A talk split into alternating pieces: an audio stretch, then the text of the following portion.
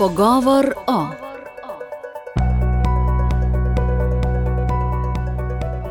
Lepo pozdravljene, spoštovane poslušalke in poslušalci. Deset let je bil tisti, ki si je prizadeval za iskreno sodelovanje, uspešno predstavljanje Slovenije in predvsem za uresničevanje besed biti za vse. Še zadnjič v vlogi predsednika Republike Slovenije pred mikrofonom Radia Ognišče pozdravljamo gospoda Boruta Pahorja. Dober dan obema. Kateri ljudje, morda dogodki oziroma prelomnice so vas predvsem v zadnjih letih oblikovali v Boruta Pahorja, kot ga poznamo danes? Če me sprašujete za en političen dogodek, ki je bil na nek način rezultat vsega, kar sem do tedaj počel, mislil, verjel in me je potem dodatno oblikovalo kot osebnost, je bil to 13. juli 2020 v Trstu ob vrnitvi Narodnega doma in poklonitvi obem spomenikom uh, skupaj z predsednikom Matarelo, s katerim so se držali za roke. V tistem stisku rok, v, tudi v tisti vrnitvi Narodnega doma, ampak zlasti v tistem stisku rok, je bilo vse, v kar sem do takrat verjel, sožitje, strpnost, solidarnost, dobro sosedstvo, prijateljstvo, sprava, In to mi je dalo potem en čudovit eh, zagon, eh, navdih, eh, da sem potem z enim velikim užitkom svoje poslanstvo predsednika republike upravil tudi do konca. Gotovo pa tudi opravičilo slovenskem jeziku v Avstriji.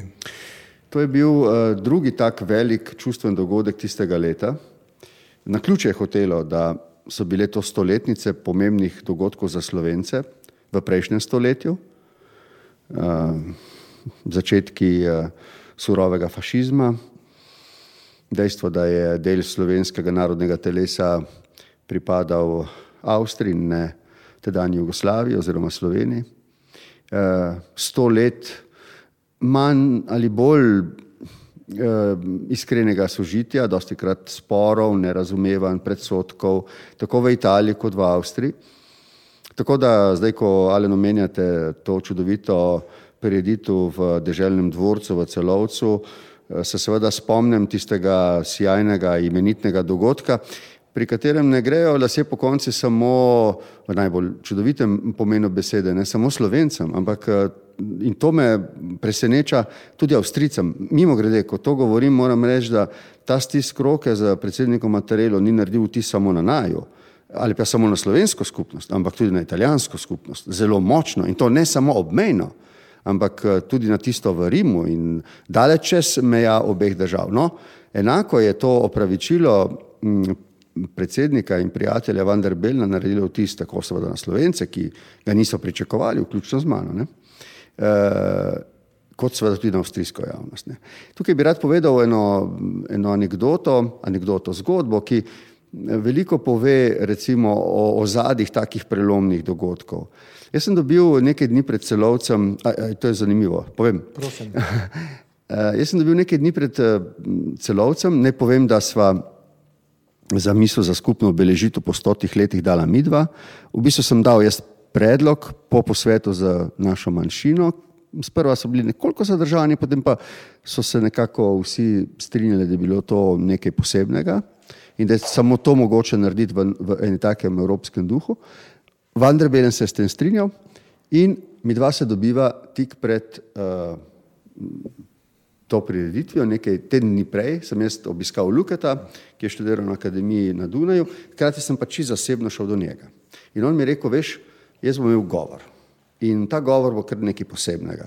In sem mislil, seveda bo, se tudi moj bo nekaj posebnega, ne? vsega nismo še imeli takega. Zato je rekel, ti ga bom poslal, da boš pogledal. Ne? In uh, jaz dobim govor, dva dni prej se mi zdi, pred odhodom v celovec, in vse je bilo v nemščini, samo en stavek, dva stavka sta bila v slovenščini. In sem rekel, hudirje, vse so, ne, vse so pustili, samo ta stavek so prevedli v slovenščino, da ti bi preveč še ostalo. Ne. Nisem imel pojma, da je to njegov govor, v katerem bo on govoril tudi v slovenščini. Pet minut pred prireditvijo sem mu rekel, poslušaj, Aleksandar, ampak eh, tisto, kar si mi poslal, ne, je rekel, to je moj govor. Če bom primo Čeh, je rekel, če bom primo Čeh, bom tisti delček, ki je v slovenščini, povedal v slovenščini. Sem rekel, res ali kaj. Je rekel, ampak če bom pri močeh, če bom videl, da dvorana diha z prireditvijo, z tem zanosom, s katerim smo mi dva to konvencijo sklicala, z tem, kako bi rekel, sožitjem, za katerega si prizadev. Če bom to začutil, bom jaz sposoben to ne, v fonetičnem zapisu prebrati v slovenskem jeziku. In jaz sem potem začel vse čas njegovega govora čakati, ali je on, tako kot jaz, doživel, da je dvorana absolutno živela s tistim trenutkom. In kar naenkrat je rekel, zdaj bom pa nekaj povedal. Ne. In je začel govoriti v slovenskem jeziku in se rekel, naj se to leto nikoli ne konča, ker je polno takih doživeti, ki so stoletne. Ne. Gospod predsednik, eh, ohranili ste vse čas povezovalno držo, niste se postavljali na nobeno stran, kar nekaterim mnogokrat ni bilo prav. Kako močno ste vi občutili ta trenja v zadnjo, da bi se morali postaviti na eno stran? Vedno so bila. Jaz sem imel to srečo, da uh, sem dolgo časa premišljal o tem položaju, položaju predsednika. Ne, da bi vedno mislil, da mi bo tudi usojen, ampak veliko sem o njem premišljal iz vrste razlogov. Uh, ko sem se pa odločil, da kandidiram, pa sem seveda od prvega trenutka vedel, da ta položaj sam po sebi, razen nekega zunanjega blišča in prestiža, nič ne pomeni, ker nima nobenih pristojnosti. Če pa, če pa, kot rečejo italijani, in veče, če pa imate zelo jasno predstavo, kaj želite doseči, vam ta položaj veliko omogoča. In jaz sem sem prišel s predstavo, da želim biti predsednik vseh. In ko imate vi neko zelo fiksno predstavo, poslanstvo, željo, ambicijo, vas mehne stvari ne morejo pokolebati. In vse te kritike so bile legitimne, sem jih razumel, ker je bilo moje ravnanje odstopajoče od prejšnjih praks, z njimi živel, nikoli jih nisem obsojal, ampak vedno sem se pa trudil biti tudi predsednik tistih, ki so me kritizirali. Odmeva tudi včerajšnja novica, da ste šestim vidnim predstavnikom slovenske osamosvojitve vrnili odlikovanja Zlati časni znak svobode. Vaš predhodnik je presenečen zaradi tega, vaša naslednica pa pravi, da gre za neprimerno gesto. Ali iz tega lahko sklepamo, da je nekim posameznikom, pa tudi včasih skupinam v interesu, da Slovenci kljub vsemu ostajamo razklani? Je sploh mogoče, gospod predsednik Borod Pahor, preseči razdor med Slovenci? Zato se je treba vedno prizadevati. Sej, eh, danes lahko vidimo, da tudi narodi, ki imajo daljšo demokratično tradicijo, njihove države, niso brez nevarnosti, da zdrsijo v neke pomembne razkole, celo ne, ne samo razhajanja. Tako da vedno moramo paziti na to. To nas je zgodovina naučila. Nikoli ne bomo mogli reči, živimo v takem svetu, da je izključen razkol, ki smo ga doživeli sredi prejšnjega stoletja. Ampak, če bomo se trudili, ne, ne brez napak, ne brez podrsljajev, potem mislim, da smo se toliko naučili iz zgodovine, eh, to nam potrjuje ne na zadnjo samosvojitev kot akt eh, enotnega naroda, da se bomo izognili temu, da bo ta razdor tako močan, da se ne bomo več pogovarjali med sabo. Jaz v, v dialog verjamem, verjamem v to elementarno človekovo željo, da skupaj z ostalimi ustvarja boljši svet, ni vedno lahko, še enkrat se tudi skregamo in jaz mislim, da tudi ni nič narobe, če se kdaj. Eh, važno je, da pri tem nismo žaljivi, da eh, nismo sovražni. Mislim, da je sovraštvo meja, ki je ne smemo prestopiti. In potem mislim, da je znotraj tega vse mogoče v enem demokratičnem duhu. Ne. Je bilo težko priti do soglasja o vrnitvi teh torej, odlikovanj? Ker je danes eh, dan potem, če boste mislili, da je kaj odveč ali predolgo, predolgočasno me ustavite, bom mm, dva stavka povedal več, kot sem včeraj. O tem sem razmišljal skupaj z odlikovanci brško ne tri leta. To ni bila stvar treh dni. To je bila stvar treh let. Eh, ne vem, koliko sem to včeraj povedal, dva od njih sta mi ločeno izrazila željo ali predlog, če želite, da bi bila pripravljena vnovič premisliti o posedovanju eh, teh eh, odlikovanj, čeprav nista še imela zelo čvrste odločitve, da bi to storila. Vsekakor pa ne vseh šest. To sta bila dva in to ločeno, vsakih svojih razlogov. In skozi te prireditve, ki smo jih imeli, 16 jih je tukaj bilo, od ustanovitve Bavčerjega odbora, 30. obletnice tega, eh, potem eh, majniške deklaracije, lipe sprave, vseh teh dogodkov, vse do mednarodnega priznanja, smo se tukaj bolj ali manj vsi ali pa bolj ali manj vsi tudi srečevali. In uh, Pred časom pa je pri meni bil tudi na koncu vseh koncev tudi gospod Petrle ki je izrazil nekako obžalovanje, da vendarle ni prišlo do te odločitve, ker ni bilo eh, tudi enotnega mnenja, vsaj do takrat ne, glede tega. Jaz sem pa postavil, eh, sem rekel, da vsi enako morajo ravnati. Samo tako bo ta, to sporočilo imelo neko simbolno vrednost in samo za to gre. Eh, no, potem pa so se očitno po najnem pogovoru novi, v novič večkrat usedli in na koncu so me obvestili, da so prišli do skupnega stališča, da mm, je treba v luči 30. obletnice premišljati tudi svoja lastna ravnanja in da mogoče v tem trenutku zdaj je pravi čas, da ne da vnovič eh, slovesno sprejmejo, da jim je slovesno uročeno, kot je mislila na robe predsednica, novo izvoljena predsednica, ampak da jim je vrnjeno odlikovanje. Jaz pa pogledajte, nisem imel razloga, da bi ne samo zaradi trilet, triletnih premislekov, ampak eh, da bi tudi sicer eh, rekel, želite odlikovanje, ki so vaše nazaj, jaz jih pa vam ne bom dal. Mislim, da te moralne pravice jaz niti pri sebi verjetno nisem imel. Nasprotno, imel sem neko zadoščenje, da so prišli do tega premisleka. Eh, rekel sem jim tudi, da, in to sem rekel tudi na tiskovki, da smo pred 30 leti to videli tako in drugače, eni tako, eni drugače, in da bo tudi vrnitev videna tako in drugače, mm, in eh, da moramo s tem znati živeti. In uh, mislim, da je bilo včeraj na en tak, potem pa zelo dobro premišljeno, kako bomo to storili, seveda. Večkrat smo se o tem potem posvetovali, ker smo hoteli, da je sporočilo, da po 30 letih vsi dozorevamo. Ne. In uh, to se mi je zdelo eno tako čudovito uh, sporočilo. Enem od njih se pa v enem trenutku, ko smo se o tem pogovarjali, se je zdelo, da sem lepo rekel, ko sem me vprašal, zakaj boš pa ti to storil na koncu koncev. Sej, mi smo zdaj za to, ampak zakaj boš ti storil to? Ne? Rekel sem to, ker mislim, da je prav, da so stvari na svojem mestu. In ker eh, se mi je zdelo, da je bilo to všeč, sem rekel, zakaj pa ne bi to ponovil na tiskovni in sem videl, da je potem tudi medijski svet to izjavo najbolj, eh, najbolj pograbil. Omenili ste besedo dozorevanje. Če gledamo strogo politične stranke, kako vidite en in drug pol?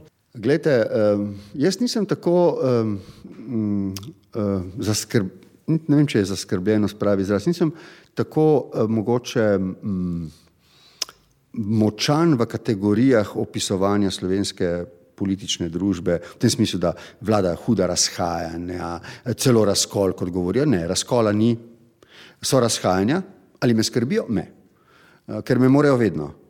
Uh, ampak vedno znova si mislim, da mm, dovolj je na drugi strani pa tudi nekega elementarnega razumevanja, da če bi se karkoli proti naši volji zgodilo, Slovencem, Evropski uniji, ampak na koncu slovencem, naši državi, smo vedno v tej situaciji, v taki politični kondiciji, da smo ne glede na te razlike, celo razhajanja, razkola pa ni, pripravljeni in sposobni uh, delati tako, kot je treba, enotno. To menim, to je moja ocena. Zato se ne strinjam z nekaterimi drugimi, ki menijo, da so te razlike take, da bi lahko paralizirale narod ali državo v primeru izrednih razmer. Ne, mislim, da ne. Moram nasprotno reči, da To slišim dosti krat reči tudi Rupla ali še koga, da je prav, da, da tudi Omana sem pogosto slišal reči, da je prav, da so polemike, morajo biti. A nismo desetletja pogrešali polemike, v polemikah se krešajo mnenja. Tisto, kar pogrešamo vsi, ponovadi je, da kršenkrat zmanjka olike. Zdaj ne govorimo o neki podcukrani politični korektnosti, tudi to je narobe, ne, o preveliki vljudnosti, ki ni iskrena. Govorimo o tem, da se izogneš izrazom, sintagmam, eh, ki nekoga žalijo, ker ima drugačno mnenje. Temu, to pa ne sodi v naš demokratični arzenal, ker tukaj hitro preskoči iskrica sovraštva, to pa je strup za naš narod. Ne. Kakšno priporočilo bi morda tu dali desnemu političnemu polu, morda tudi izhajajoči iz primera, ki ste ga dali na začetku z Matarelo? Ne bi govoril o levem in desnem polu. Eh, Glejte, kolikor ta dva pola obstajata, pri čemer imamo vsi, tudi politologi, ne, težave pri tem, da zelo zlahka razvrščamo. Iz vrsta razlogov. Ker ko vi govorite o konzervativnih silah, ne, eh, sem jaz v težavah kot politolog, kot politik v manjših, ker imamo kup predsotkov in označevalcev, ki nas usmerjajo glede tega, ampak kot politolog moram reči, da pravzaprav konzervativne sile so vse od demokratične slovenske politične pomladi naprej bolj zdaj razumljene leve sile, ne, levosredinske sile. Tiste so poskušale zadrževati stanje, Seveda so ga morale tudi spreminjati pod pezo pritiska, ampak tiste, ki so res spreminjale, so bile prav bolj desno-sredinske sile, vendar, ne, da so stvari komplicirane. Res je, da imajo levo-sredinske sile bolj liberalne vrednote, take, ki v svetobnem svetu veljajo za napredne, medtem ko imajo desno-sredinske sile nekatere vrednote, ki v recimo svetu tradicionalne demokracije veljajo za konzervativne oziroma uh, za, uh, ja, za konzervativne vrednote. Tako da uh, kot politolog imam z opisovanjem slovenske politične krajine seveda več težav, ker sem bolj zaprisežen uh, poskusu oziroma moj težnji, da, se, da opišem dejstva kot so. Ne.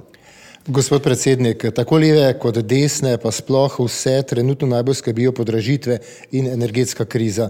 Bi si upali na podlagi srečevanj z ljudmi, značaja slovencev, izkušen po preteklih krizah, zlasti koronske, napovedati, kako bomo slovenci išli iz te najnovejše krize in tudi kako po vaše naj v krizah postopa vaša naslednica Nataša Pircmusar. No, glede zadnjega ne bom dajal na svetov, ona je izvoljena predsednica in bo delala po svoji vesti in tako je tudi prav. Tudi kasneje ne mislim veliko presojati njenih ravnanj javno, se mi zdi, da je to za bivšega predsednika ta zadržanost edino pravilna. Če me bo kdaj vprašal za nasvet, sem mi na voljo, da bi pa sam to počel, pa ne. Naprej, kar se tiče sedanje situacije, ker sem dal dve krizi skozi, eno kot predsednik vlade, eno kot predsednik republike, finančno kot predsednik vlade, COVID-no krizo kot predsednik republike, bi mogoče rad povlekel neke paralele, ki bi bile zanimive tudi za naše eh, ljubo poslušalstvo. Eh, finančna kriza je bila gotovo od vseh najbolj surova do ljudi. Nihče od nas ni bil pripravljen, eh, bila je zelo, zelo, kot sem rekel, surova, socialno. Mnoge ljudi je opeharila do konca, nekateri so izgubili službe, drugi službe in stanovanja, nekateri vse nekateri celo dostojanstvo. Bilo je težko. Zlasti, in to je bila posebnost te krize, ker se je lahko zelo s prstom pokazalo na krivce, na, na bankirje in na politike. In moram vam povedati, da je bil zelo težak čas za vodene države, zelo težak. Ker po eni strani je bilo treba voditi državo, ukrepati, po drugi strani pa si sprejemati ukrepe, so, v katerih so ljudje videli ogrožene njihove socialne varnosti. In takrat sem si rekel samo eno zdrži, ne krivi ljudi, ker res še to se jim manjka, da jih boš ti krivil za to. Mi smo na nek način prevzeli odgovornost, tudi krivdo, da jim rešiti situacijo in kolikor se je to dalo, smo naredili. Druga kriza je bila COVID-na. Pri COVID-ni krizi je bila ta sreča, da je bilo mogoče reči, da gre za višjo silo. Tukaj niso bili krivi bankiri, politiki ali zdravniki, šlo je za višjo silo. Ne? Eh, zato je bilo tudi ukrepanje v tej krizi drugačno. Mi smo se odločili za zelo veliko fleksibilno, eh, fiskalno fleksibilnost. Zelo veliko denarja je bilo iz državnih uh, proračunov uh, ob uh, zadolževanju namenjenih za to, da, je, da so ljudje šli relativno, seveda, ne, dobro skozi krizo. V bistvu smo imeli v tej krizi več psiholoških problemov ne, kot ljudje, kot pa stvarno socialnih ne, ne, pod, ne podcenjujem, bili so tudi ti, ampak ne tako kot v finančni krizi. In zdaj prijemo do te tretje krize. Ne.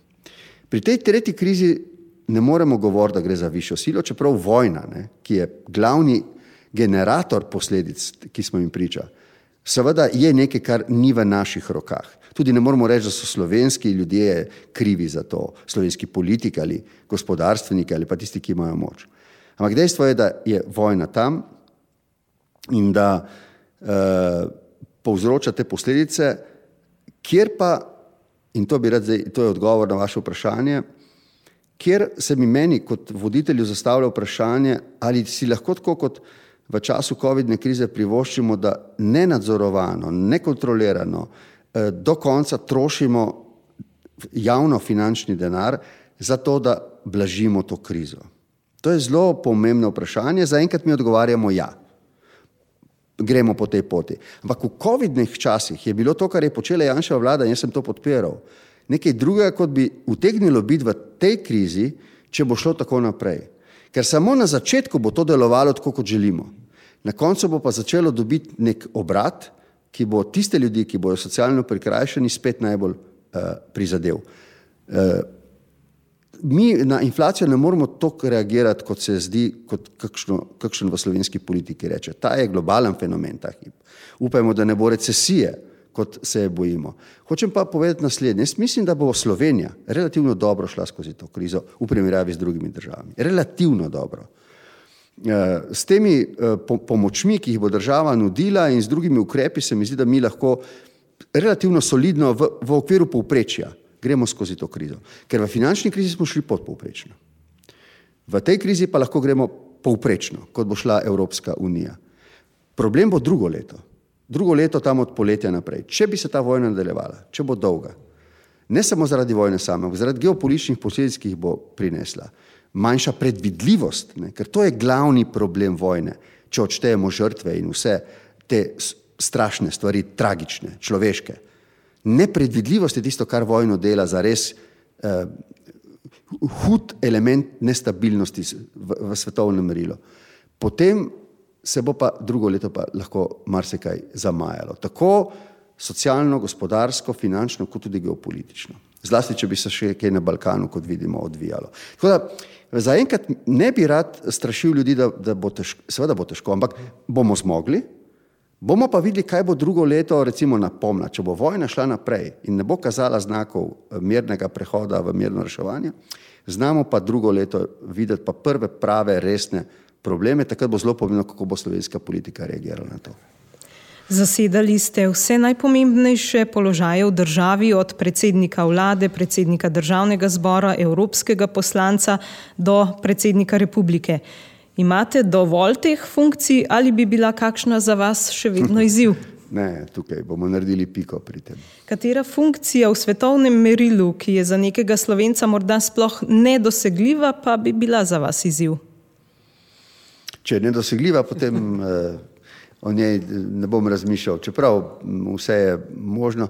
Ne, uh, naj vam povem zelo iskreno, o tem zdaj še ne razmišljam tako zelo dokončno. Uh, sem pa povedal, da bi rad opravljal nekaj, kar znam, uh, kar imam rad, ker bom samo tako delal dobro. In če bi bilo to v mednarodnem merilu, in bi bilo povezano z vrednotami, ki so mi blizu, mirno reševanje sporov, sprava, potem bom to rade volje delal, pa tudi če bo šlo za neprestižne položaje. V tem smislu me prestiž ne zanima. Prav o tem bomo sedaj nadaljevali pogovor na mednarodnem parketu. Gospod predsednik Borod Pahor, najprej bi se ustavila pri vam, dragi temi, to je Zahodni Balkan. Se veselite jutrišnjega dne? Voditelji Evropske unije naj bi potrdili status kandidatke Bosne in Hercegovine. Z vaših ust, bože, všesa, naj bi ste rekli. Ja. Jaz sem bil že na Evropskih svetih, kjer uh -huh. Smo mislili, da bo svet odločil tako, kot smo si želeli, pa ni. Ampak iz krogov, ki naj bi vedeli več od mene, imam skoraj zagotovila, da se bo to zgodilo. Če se bo in torej pričakujem, da se bo potem bo to zelo, zelo velik dogodek. Eh, redko Slovenija tako poseže v evropsko politiko, kot, bo, kot je tokrat, to je slovenska zamisel. Rodila se je tukaj v Ljubljani, rodila se je po desetletju velikih eh, premišljevanj, izkušenj, eh, odnosov, analiz. Bila je naša zamisel, ki je prodrla najprej med države Zahodnega Balkana, zlasti seveda v Bosno. V Bosni je takoj naletela na navdušenje, pa ne v tem smislu, da so celo verjeli, da bo uspela, ampak na navdušenje v tem smislu, da je nekdo povlekel tako korajžno potezo, ne? nekaj, kar je bilo nepredstavljivo. Jaz sem imel to srečo, da sem to zamisel dal predsedniku Golobu, ki jo je razumel. Bil sem presenečen, da jo je razumel, ker mu nisem pripisoval veliko izkušenj te vrste ampak jo je razumel takoj, za razliko od nekaterih drugih, ki so takoj imeli tisoč vprašanj, zakaj ali pa pomislekov, da ni mogoče. On je rekel, ok, tukaj, prav v tem prostoru, kjer smo danes, so se o tem pogovarjali pri kosilu, rekel, ok, samo to se spomnim, da je rekel in razumel si zapisal in potem sem videl, da je povlekel poteze. In od takrat naprej smo jih velikle skupaj. In če se bo to zgodilo, da, da je slovenska politika enkrat uh, tako pomembno vplivala na uh, uh, prihodnost nekega naroda, kot je eh, bosanski, vseh treh narodov tam, to mislim, da je neko zadoščenje pa tudi za državno politiko. Moramo biti kar ponosni. No. Uspeh slovenske diplomacije. Ja, slovenske politike, diplomacije, seveda. Ne vseh. Uh, še... Tudi, bom rekel, slovenskih ljudi, ki so vedno z razumevanjem gledali na napor tistih, ki smo se trudili za ljudi na Zahodnem Balkanu, da niso rekli, ah, kaj pa nas to zanima. Ne, jih je zanimalo, so to razumeli, so to podpirali. Z Brdo Brioni procesom ste se trudili povezovati voditelje Zahodnega Balkana, pa vseeno v zadnjih dneh je precej razgreto na relaciji Srbija-Kosovo. Tam se zadeve zaostrujejo. Kako spremljate to vrstno dogajanje? Jaz mislim, da je jutrišnja pričakovana odločitev o Bosni že posledica bistveno povečanih skrbi, ki jih ima Evropska unija za Zahodni Balkan v celoti. Ker ko sem jaz prvič predstavil zamisel o tem, da bi se Bosni dalo brez pogojev status kandidatke, sem rekel, to je zdaj ni več vprašanje širitve Evropske unije, ampak vprašanje miru. To je bilo na Minhenski varnosti konferenci. In to je takrat začelo malček odmevati. Zdelo se je malček še vedno pretirano, tako nekdo razmišlja, ampak Potem, ko so se pa pokazali po vojni v Ukrajini, po začetku vojne v Ukrajini, prvi znaki, da bi se lahko druga fronta te vojne odprla na Zahodnem Balkanu, so se pa zganili v, v Evropi, ne samo v Bruslju, med državami. Ker jaz sem opazoval iz prve vrste, kako se je počasja zanesljivo širil na nek način strah pred tem, da bi se to lahko zgodilo, pa hkrati želja, volja politična, da se ukrepa. In to, kar se je ukrepalo. Zdaj, pri Kosovu in Srbiji imamo več dejavnikov, ki so zelo komplicirani, poenostavimo. Eh, tukaj sama širitev, ta, ta hip niti ni tako zelo bistvena, tudi zaradi tega, ker pet držav Evropske unije ne priznava Kosova. Ampak mislim, da to ni centralen problem. Centralen problem je ta, da je, si oba naroda, zlasti pa obe vodci, ne zaupata. To vem iz prve roke. Ne zaupata si. In tisti, ki zdaj poskušajo tam zasilno reševati problem, in pozdravljam seveda vsakega, ki si to prizadeva. Mislim, da delajo eno napako in to sem tudi rekel enemu od mednarodnih sogovornikov včeraj. Poskušajo, kako bi rekel, z jogurtnim lončkom iz kadi, v katero prihaja veliko vode, črpati to vodo ven. Ne bo šlo. Treba je najprej zapreti pipo. Zapreti pipo pa pomeni priti do ene večje ravni zaupanja med, bom kar rekel, Vučičem in Kurtijem. Med Vučičem in predsednico Osmani tega zaupanja ni dovolj, da bi se katerakoli rešitev, ki jo kdorkoli predlaga, lahko prijela. Najprej je potrebno okrepiti zaupanje. S tem se zdaj ta hip nihče ne ukvarja, to vidim kot pomankljivost, jaz nisem poklican, da se tem ukvarjam s tem, ampak to vidim bi bila mogoče prva prava resna, se mi zdi operacija, ki je potrebna, da se ustavi to, bom rekel, vse bolj uh, zaskrbljujoče udelanje vode v, v, v kat, ki bo oba naroda zalilne. Eh, tako da potem pa seveda mislim, da je potrebno izpolnjevati obljube, ki so bile dane, vključno, moram to reči, na, na žalost naših kosovskih prijateljev morajo, morajo oblikovati skupnost srpskih občin in seveda tudi na žalost eh, mojih srpskih eh, prijateljev, eh, seveda tudi Srbija mora razumeti, da je potrebno urediti odnose med državami, ne čisto morda do konca ta hip glede priznanja, ampak urejevati odnose v taki luči, če hoče biti enkrat članica Evropske unije.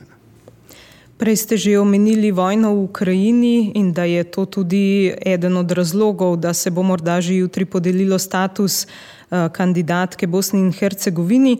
Um, pa pojdiva k Vladimirju Putinu. Večkrat ste se srečali z njim, kako bi ga opisali? Eh, ko uh, sem bil na Mihanski varnostni konferenci, to je bilo nekaj dni pred začetkom vojne, sem skupaj s finskim predsednikom in prijateljem naivno trdil vsem, ki so drugu, trdili drugače, da vojne ne bo. Ker se mi ni zdela smiselna, nisem mi zdela logična. Jaz sem, in to sem povedal, sem poznal argumentacijo Putina glede teh njegovih sovjetskih nostalgij. To mi ni bilo tuje. V teh 20 letih, kolikor sva sodelovala, sem to dobro tudi osebno spoznal. To nostalgijo po veliki ne, Rusiji, ki bi bila v bistvu Sovjetska zveza ne, v novih razmerah. To sem vedel, nisem pa vedel, da je pripravljen za to uporabiti silo, sploh pa ne na tak način. Tega mu pa nisem pripisoval. Angela Merkel bi morda javno rekla, da je tukaj naredila napako. Jaz eh, ne vem, ali smo imeli tako trdne razloge, da bi do konca verjeli, da, da je to sposoben narediti, ampak očitno je bil.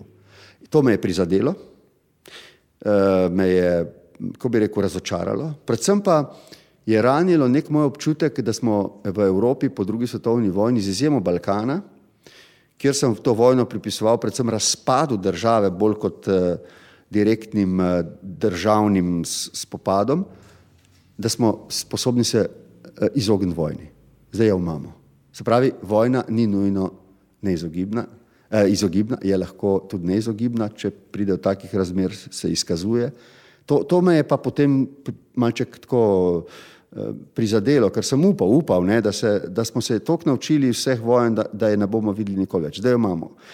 Eh, torej, Putin je pripravljen za svoje cilje uporabiti tudi silo, od takrat naprej pa nimam več iluzij, pripravljen je verjetno storiti vse. Eh, tisti problem, ki ga zdaj vidim, eh, tudi po pogovorih recimo z Erdoganom, z drugimi voditelji, ki se utikajo v poskus mirne rešitve, ne, vem, da mi vsi zelo razočarano rečejo, da ta hip ne vidijo rešitve. Ta hip ne vidijo rešitve zato, in tukaj se z njimi strinjam, ker nimamo mi moralne pravice ukrajinskemu narodu odrekati eh, pravico do samoobrambe. Dokler ukrajinski narod želi pregnati uh, agresorja svojega teritorija, uh, do takrat mi nimamo pravice, da ga silimo proti njegovi volji, da mirno reši ta problem. In to to je ena situacija, v kateri smo se znašli in ni samo političen problem, moralen problem in ga moramo tako tudi razumeti. Vidimo pa tudi zelo pogumen ukrajinski narod, ki že od vsega začetka se bori, eh, po svoje tudi trpi. Eh, vidimo tudi veliko humanitarno katastrofo in seveda veliko solidarnost držav, tudi Slovenije. Danes bo evropski narod, eh, ukrajinski narod v Evropskem parlamentu prejel tudi nagrado misli, za svobodo misli. Gre torej nagrado prave roke? Uh, bil sem kako bi rekel, prijetno presenečen, da so sprejeli uh, odločitev za uročitev nagrade Saharov narodu. Doslej tega ni bilo. E, vendarle, ko m, eh, se uroča taka nagrada, običajno ne gre za, v navednicah rečem, za abstraktne pojme ali pa e, gre za zelo konkretne, tudi vem, ker sem bil v Evropskem parlamentu, kako je pri tej nagradi, ne, gre za, za točno določene ljudi, za točno določene ravnanja. Ne. No, to, kar so se odločili, da gre ne za ljudi z imenom in priimkom, gre za cel narod, za vse ljudi. To je brez presedana in mislim, da je ta odločitev prava in gre v prave roke. Govorili smo že o odnosih s sosednjimi državami, veliko, vlu, eh, veliko truda ste vložili v to, gospod predsednik Borod Pahor, prizadevali ste si to z mesta premijeja in zadnja dva mandata tudi z mesta predsednika države. Nekaj smo že rekli o Italiji pa Avstriji, eh, pa pogledamo še k Hrvaški in pa k Mačarski. S hrvaškim predsednikom ste se večkrat, več kot desetkrat. Z, mislite, z vsemi predsedniki? Tako. Z vsemi 54 krat. No. Kaj bi potegnili pod črto? Arbitraže še. Pod črto bi potegnil dobre odnose, kljub temu, da uh, arbitraža ni uveljavljena, pa enkrat bo, vendar še ni. Ampak smo sposobni, kljub temu, da to ni uveljavljeno, imeti dobre odnose. To bi pa vlekel kot eno veliko reč. Eh, rad bi tudi izrazil ponos nad slovensko politiko, državo, da se ni zdaj pri širitvi eh, Schengna ujela v skušnjavo, da bi blokirala Hrvaško, zato ker ta ne izpolnjuje eh, odločbe ustavnega sodišča, arbitražnega sodišča. To je velika reč. In moram vam povedati, ker sem bil nedavno na državniškem obisku tam, Hrvati to razumejo. Razumejo, da je Slovenija naredila veliko reč. Zato sem bil tudi takrat in v tem kontekstu povabljen da, to, da se to na en tak diskreten način, kolikor znajo to pač Hrvati ponosni, kot so povedali, so, so to izredno povedali. To, to razumejo kot veliko gesto. Ne. Je pa tudi velika gesta to, kar smo lahko videli v preteklosti, da ste tako rekoč bili z predsedniki sosednjih držav na popolnoma prijateljski ravni. Eh, ja, seveda, malček eh, različne ravni tega prijateljstva so od zelo tesnega, iskrenega, tudi če želite, zelo, kot rečeno, osebnega. Do tistega, recimo, s predsednikom Matarelo, ki je, kot sem rekel, nekaj več, ne v tem intimnem, osebnem smislu, ampak v tem globoko političnem, kjer sta dva, ki hodita skozi, tr, ne, skozi trnje v nekem trenutku, pripravljena to početi, zato ker sta prepričana v, v, v, v prav tega početja in to počneta ne za se, ampak za tiste ljudi, ki jih predstavljata. Ne. Ker mi dva pravzaprav razen enega izjemnega zadoščenja od tega nisva imela veliko, ampak eno zadoščenje pa, ampak naši ljudje, slovenci v Italiji, italijani, to, da se danes živi lažje, bolj strpno, bolj v nekem sožitju, to pa je neko zadoščenje. Ja. In to je pa bilo mogoče samo zato, ker vsa skozi nešteto srečanje z njimi sem se izdubil 20 krat, ne. tudi to je zelo impozantna številka, slovensko-italijansko odnosi niso bili nikoli taki, da bi 20krat se predsednika srečala, to je ogromno. Ampak ti, vsi ti kontakti so prispeli k temu, da je vladalo veliko zaupanje. Zdaj vas bom še enkrat spomnil na, na to, kar sem prej rekel pri Kosovu in Srbiji. Ne. Vse v politiki se konča in predvsem se začne za zaupanjem. Najprej pri ljudeh, ki vam ali pa ne zaupajo, in potem pri politiki, ki si morajo med seboj zaupati. Če si zaupajo, so sposobni velikih stvari. Če si ne zaupajo, niso sposobni ti mehkih. Rekli ste, da ne boste komentirali delovanja svoje naslednice, zato je morda eh, nesmiselno vprašanje, kaj ste si mislili ob izjavah, eh, s katerimi je še pred uradnim nastopom funkcije razjezila koroške slovence, pa morda tu vprašanje, kako pozoren je potrebno biti pri rokovanju s tako slovensko manjšino kot z domci. Ma gledajte, vsi eh, rečemo ali pa storimo kakšne stvari, ki niso v redu, pa jih potem se tudi opravičimo, se to se je tudi zgodilo. Ne bom komentiral. Eh, ko upravljate to funkcijo, se zdi, da je zelo enostavna. In eh, nekdo mi je rekel, da je moja najslabša dediščina ta, da sem pustil vtis, da je to zelo enostavna funkcija. In da mi to zameri. E, ker eh, je rekel, zamerim ti, ker, sem, ker mislim, da si se tudi zelo trudil, da bi bilo tako. Da bi ljudje mislili, da je to zelo enostavno. Eh, to ni res in to sam veš in uh, ni enostavno, uh, to je, če želiš dobro delati, komplicirana funkcija, ker, a veste, tukaj vi nimate veliko orodja v rokah, imate pa možnost, da postavite hišo. In na koncu gotovite, da je to možno z neko potrebno vizijo in domišljijo in ob zaupanju in ob neki konstelaciji, samo morate imeti to za misel in uh, potem to tudi nekako ustrajno delati. Ne. E, ta funkcija je pač taka. To ni predsednik vlade, ki ima moč. On lahko z močjo premika gore. Lahko tudi ne, ampak ima to moč. Ne. Ta funkcija ima neko moralno potenco, ampak jo morate zelo odmerjati, zelo previdno delati z njo. Ne. In e, kdorkoli je prišel sem ali pa še bo, bo to spoznal. Uh, jaz sem rekel, uh, ne, s, s, mislim, da sem to logarjev rekel ali komu, da predsedniš, pred, predsed, uh, predsedniška funkcija se zdi tako kot en mehen grič oddaleč, ne mehen, ne nizek. In oddaleč zgleda še manjši. Ampak poka priješ pred njega ne, in je tretji na vrh, pa vidiš, da je sicer ni tako mogoče visok, ampak je strm. Ne, in lahko ti komoc podrsne. In to se mi zdi še danes ena taka ena taka prispodoba, ki veliko pove o tej funkciji. Je zelo lepa, ampak lahko tudi zelo težka, predvsem pa je zelo kompleksna, ni enostavna, ker nimate veliko orodja. Ne? Ljudje pa pričakujejo, da imate tle skoraj vse, da ste šef države, da to pomeni, da kar vse, vsem lahko kar rečete, ukažete. Nekje pa.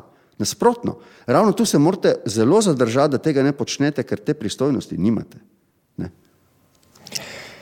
Gospod predsednik, statistika je jasna. Evropa in tudi Slovenija sta v demografski zimi. Vendar se je v zadnjih mesecih izkazalo, da politika različno gleda na problem rodnosti in staranja prebivalstva. Ki vidite, slovenski narod čez 100-200 let bomo imeli svojo državo, bomo sploh še obstajali kot narod. Zdaj, eh, s kakšno moralno pravico lahko govorimo o tem kot oče enega otroka? Ne? Ampak dobro, z malo večjo kot mogoče tisti, ki bi jih lahko imel, pa jih nima. Ampak ne glede na to, odločitev o otrocih ni nikoli povezana z demografijo, ampak z ljubeznijo. Ne. Tako da tudi tisti, ki mogoče nimajo ali pa so ravno tako priklicani v, v, v, v, to, v to naše občestvo. Gre za to, da kolikor je mogoče, če, če se neham hecati, kolikor je mogoče, moramo z nekimi državnimi politikami to spodbujati, Bom pa še enkrat za strokovnjake ugotovil, tudi če spodbujate največ in nobenih zagotovil, da bo ljudje temu sledili. To je še vedno na koncu vseh koncev stvar ljubezni, stvar nekih drugih osebnih prepričanj, možnosti in tako naprej, v katere se tudi država, po mojem, ne sme vtikati. Država ne more reči, imejte deset otrok, da bo imela Slovenija prihodnosti slovenski narod. Mislim, da tako daleč mi ne smemo iti. Lahko pa marsikaj naredimo za to, da bo laže za tiste, ki si to želijo in ki to lahko, ne, ker so tudi taki, ki žal ne morejo.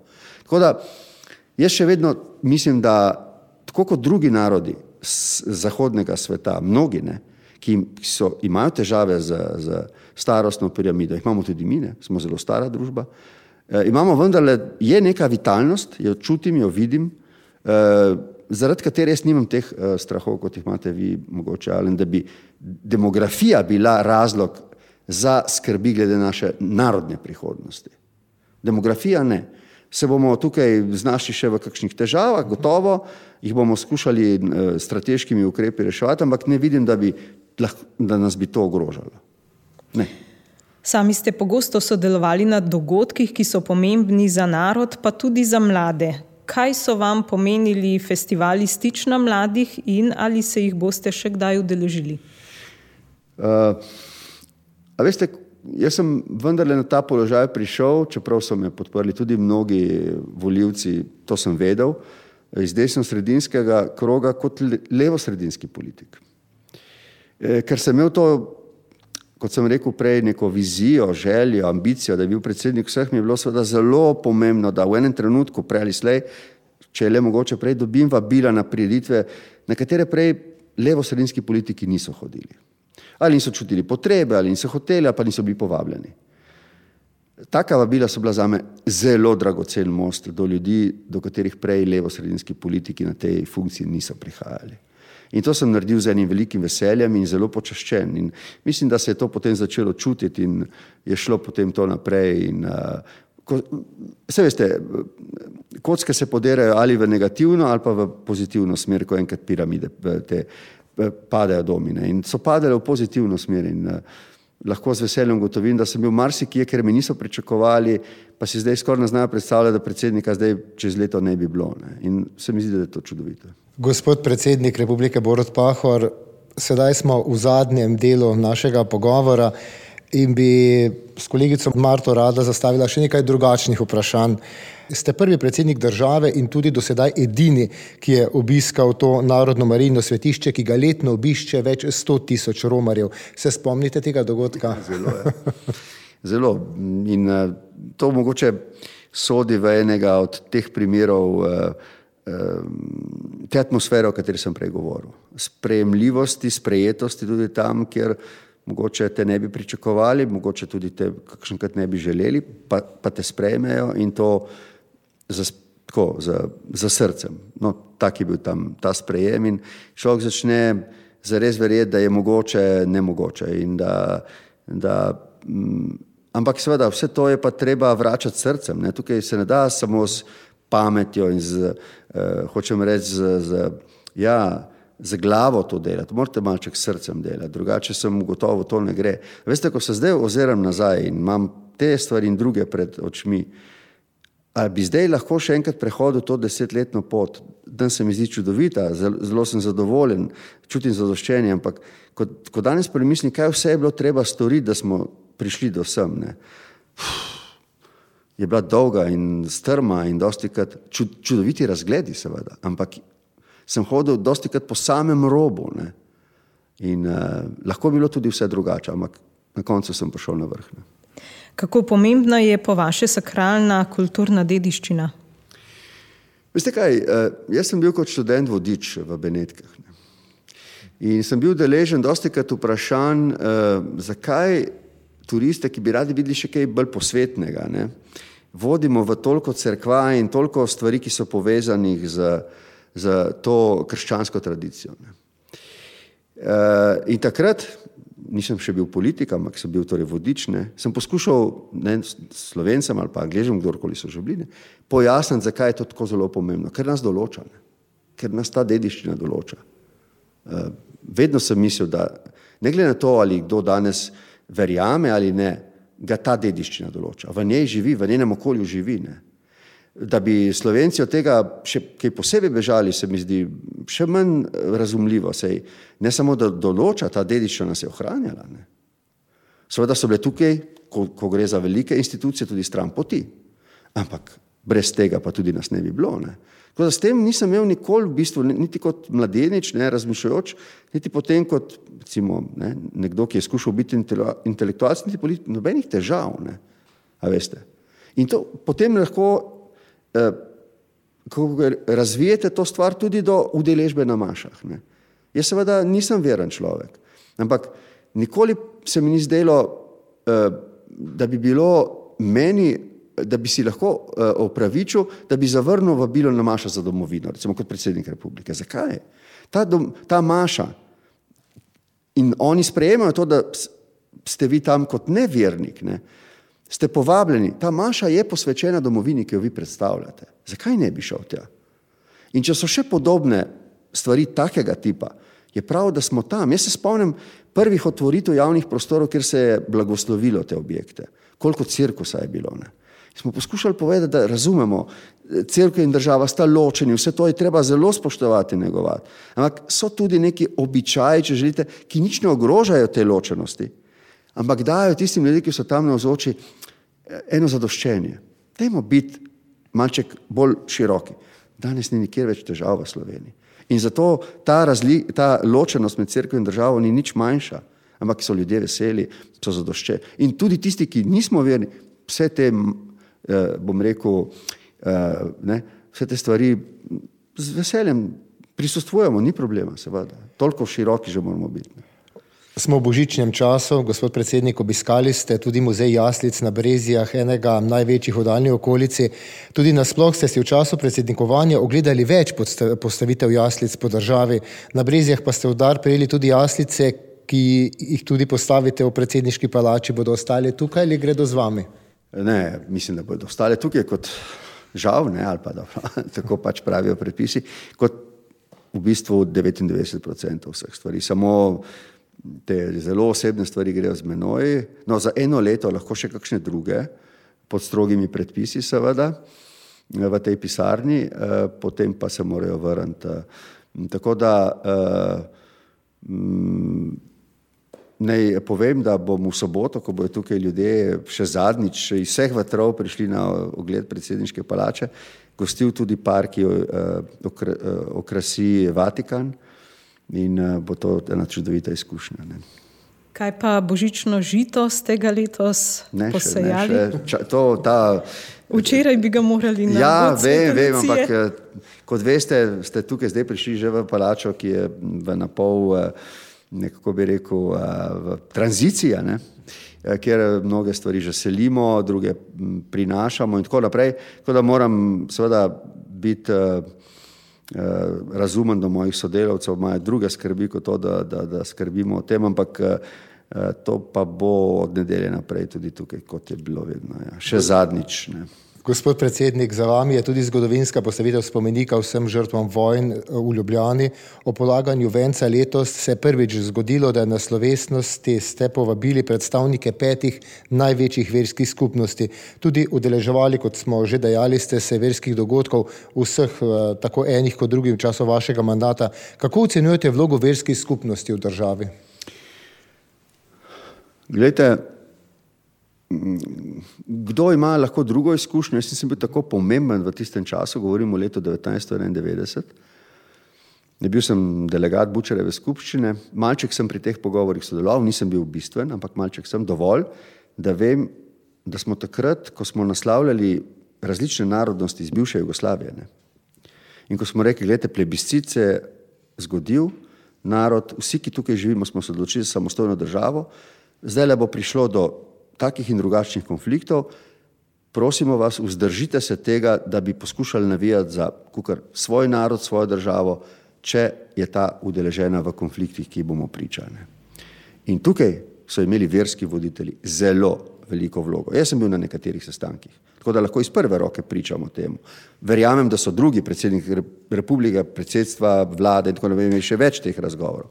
Ampak takrat so verske skupnosti, koliko res vem, nagovorile ljudi in so rekli, gledajte, tukaj smo v Sloveniji, tako smo se odločili za svojo državo, to državo moramo čuvati mirno.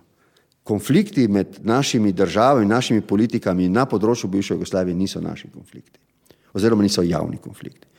In jaz sem bil zelo ponosen leta 1991, ne samo v času vojne, ampak prej in potem, da ni prišlo nikoli med ljudmi različnih narodnosti in večinskim prebivalstvom do konfliktov. In tukaj so imele verske skupnosti izjemno nalogo. In od takrat naprej, vse do danes, veliko. Slovenija je versko strpna država, sem in tja se zgodijo incidenti, ki smo jih sposobni vsi obsoditi, vsaj praviloma. Uh, mislim, da eh, je zlasti odprtost katoliške cerkve bila tista, ki je ne, tudi mogoče zaradi načkofa Šuštarja in njegove osebnosti bila izredno, kako bi rekel, inspirativna za, za, za to potem razpoloženje, ki še danes vlada. Ne. Odlikovali ste veliko ljudi, tudi duhovnike in škofe. Zakaj vam je bilo tako pomembno nagovoriti tako ene kot druge z odlikovanji? No, ker sem vse, sem lahko in sem moral tudi njih, ker so del te skupnosti. Poseben odnos pa ste razvili z nekaterimi duhovniki in je tako, bi katerega posebej izpostavili? Ja, ni samo enega, ni, ni, ni samo eden. Mislim, da sem imel to srečo, da m, tudi ob zavedanju, da imamo zelo različne Eh, poglede, imamo nekatera skupna stremljenja. Mogoče pa bom enega izpostavil. Ne da bi še minuto nazaj mislil, da bom to storil. V najbolj se mi zdi kočljivih trenutkih, ko sem bil predsednik vlade, je nekdo, ki ni bil dolžan to storiti, mi zaupal in to je bil dr. Stres. Šlo je za pomlad leta 2009, bila je odkrita huda jama. To je bil hud moralni problem. Začel se ustvarjati čustven konsens med slovenci, da to ni prav, da tako ne more iti naprej, da je treba nekaj ukrepati. In jaz sem bil to pripravljen storiti. Ampak zakaj bi mi mogel kdo zaupati, da res resno mislim? Ok, nekaj stvari iz prejšnjih let, pobude za spravo, to so bile, ampak to so vendarle bi lahko kdo menil samo običajne stvari. Doktor Streh pa, pa je skozi najne pogovore videl, da mislim resno je pomagal, ni bil še, bom rekel, glavni sponzor tega, je pomagal pri nastajanju spravne zakonodaje v parlamentu, ko smo vodili pogajanje med strankami, septembra, oktobra. Takrat so bili sprejeti tudi zakoni, ki so spremenili stvari, predvsem pa je tistega leta, potem in naslednje, z mano šel v Kočevski rok, ob isti priložnosti, isti dan, še v uh, celje, na oba spomenika, oba sva položila vence. To so bila velika, velika dejanja. Šel je v hudo jamo z mano, notor. Uh, takrat, so, takrat so bile storjene velike stvari za to, da se spet smo tam ustvarili zaupanje. Zaupanje, da ne glede na to, da so kakšne stvari, ker mislimo drugače, da želimo, stremimo potem, da neke velike stvari premaknemo. Teda, bom naredil tukaj izjemo, bom doktora Stresa uh, imenoval zato, ker brez njega verjetno marsikakšne stvari, tako kot je danes, ne bi bilo. Gotovo si pa boste tudi kot uh, bivši predsednik še naprej prizadevali za Nobelovo nagrado za mir za Pedro Peka. To je zdaj že konstanta, tako da ne bi rad, da to postane navada, ampak ja, seveda, uh, mislim, da to počneva skupaj z uh, kolegom in prijateljem Petr Letom in verjetno ne bova nikoli nehala. Ne. Vašega uspešnega mandata ne bi bilo brez sodelavcev, komu bi se radi še posebej zahvalili? Uh, vedno je tako, da so mnogi, ki so odločilnega pomena za vaše uspehe, spregledani in anonimni. Malček zato, ker so takega značaja, malček zato, ker opravljajo funkcije, ki niso tako zelo vidne, ampak brez njihove nevidne roke pa ne bi bilo uspehov. Vedno ko pomislim, da mi je kaj uspelo, pomislim na tega neznanega junaka, eh, ki ima veliko imen in primkov, veliko imen in primkov, in brez katerega ne bi, ne bi uspel. Predvsem pa je tukaj v tej hiši bilo neko iskreno prijateljstvo, spet bom rekel zaupanje, ki mi je omogočalo, da eh, so moji sodelavci popravili moje napake, kar je zelo dragoceno. Ne. Ob sklepu pa imava za vas, gospod predsednik, še nekaj kratkih vprašanj. Kot kviz ali kaj? Tako. Ja, katerega predsednika evropskih držav bi lahko poklicali tudi ob treh zjutraj? Na zadnje sem to storil, mislim, da s predsednikom Dudo. Ni bilo tri zjutraj, bilo je zelo zgodaj zjutraj. Šlo je za ta incident z raketo, menimo ukrajinsko raketo na polskih tleh. Uh, ko sem dobil to obveščevalno informacijo, sem sklenil, da ga pokličem in se je tako javil. To je prijateljstvo, to je zaupanje. V nadaljevanju vam bova navrgla nekaj besed, vi pa povejte, kaj vam najprej pride na misel, ko pomislite na Božič. Uh, družinski mir. Družina. Ja, uh, to je dan, ko ne more biti drugače kot družina. Zdaj, tako bi lahko bil vsak dan, ne, pa ni, to moram takoj povedati, ampak tisti dan pa je. Dom? E, dom, ja, seveda, družina je, je dom. Ne. Vedno, ko me je Luka vprašal, uh, kje je dom, sem rekel tam, kjer smo mi. Ne. Pa je to lahko na drugem koncu sveta. Tam, kjer smo mi, tam je dom. Ne. Domovina? Domovina je ena, ne, nam vsem dodeljeno in eno življenje in ena smrt. Ne. Slovenija? Moja domovina. Jugoslavija? Mm, konec. Knjiga? Intima, ne vem, sem pravilno odgovoril ali ne, ampak zaprt svet, ne, domišljijski, samo ti in knjiga in nihče drug. Film, gospod predsednik ne me spraševati o takih stvareh, veste, da ne bom nehal govoriti. Nekaj čudovitega, to, nekaj, kar ljubim. Avto? Nekaj vse manj potrebnega. Nikoli nisem dajal avto velike pozornosti. Zdaj moram narediti nekaj s katro, samo s katro se voziti bo verjetno nevarno, ampak nekaj bom mogel en, en manjši avto si kupiti. Tek, gospod predsednik. Tek? Tek. Brez njega ni življenja. Kam po 23. decembru? 24. december. Ja, v TR3, tukaj na vrh stolpnice, kjer bom imel pisarno bivšega predsednika. Gotovo si boste nekoliko spočili. Ne rabim počitka, nisem v tem smislu fizično izčrpan. Seveda, kakšenkrat je vsak od nas, če je dolg dan in tako je malček zvečer utrujen, ampak ko delate stvari, ki jih imate radi, uh, vas utrujajo na en drug fizičen način, ne pa, ne pa v tem smislu duhovno. Ne. Ker problem naše utrujenosti, zlasti v mojih letih, ni fizična izčrpanost. Mislim, da zlasti, če ste v dobrej kondiciji, zelo veliko, ljudje smo zelo odporni, trpežni, ampak je ta duševna utrujenost, če ste v tem smislu strti ali pa v stresu, tukaj eh, začnete biti paralizirani. Jaz vem, o čem govorim, ker sem šel tudi skozi ta pako. Ne sem šel skozi ta peko, zato vem, kako to hudo je. Ne. Ampak sem šel tudi zdaj skozi nebesa, kjer sem bil lahko zelo, zelo utrujen in bi samo šel naprej. Ne. Gospod predsednik, radi bi, da izrečete našim poslušalkam in poslušalcem voščilo. Pazite eden na drugega. Gospod predsednik Republike Slovenije Borod Pahor, preden se vam zahvaliva za sodelovanje, mi dovolite velik hvala, da sva, upam si reči, razvila v teh letih tudi prijateljski odnos, da so se srečala na različne načine in na različnih dogodkih, bodi si ob pogledu predstave o Lojzetu Slaku, v sklopu ustanove Anin sklad, pa seveda radio in še kje. Gospod predsednik, ali si danes lahko rečeva nasvidenje ali nasnidenje še kdaj? Jaz mislim, da si lahko rečeva vse tisto, kar nama vzbuja upanje, da se čim večkrat vidiva. Ste eden redkih novinarjev, ki sem se ga upal klicati po imenu, čeprav se vikava in sem to storil zato, ker pač tako čutim. Ne. Radio Ognišče vam želi vse dobro na vseh nadaljnih poteh in izzivih v življenju. Iskrena hvala za sprejem in pogovor.